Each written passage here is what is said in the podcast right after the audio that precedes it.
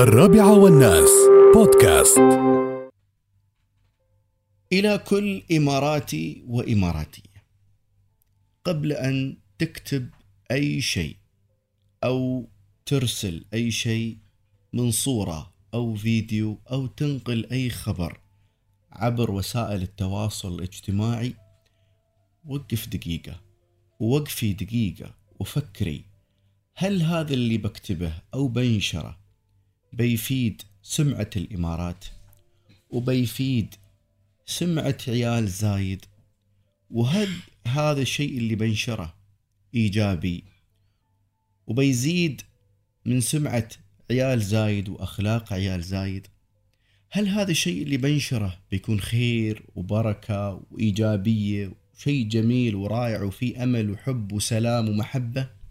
ولا لا؟ إخواني واخواتي ما بيقولون هذا اللي نشره خالد ولا إبراهيم ولا محمد ولا فاطمة ولا عليا. بيقولون شوفوا عيال زايد شو ينشرون. شوفوا عيال زايد كيف يكتبون. شوفوا ثقافة عيال زايد. شوفوا أخلاق عيال زايد.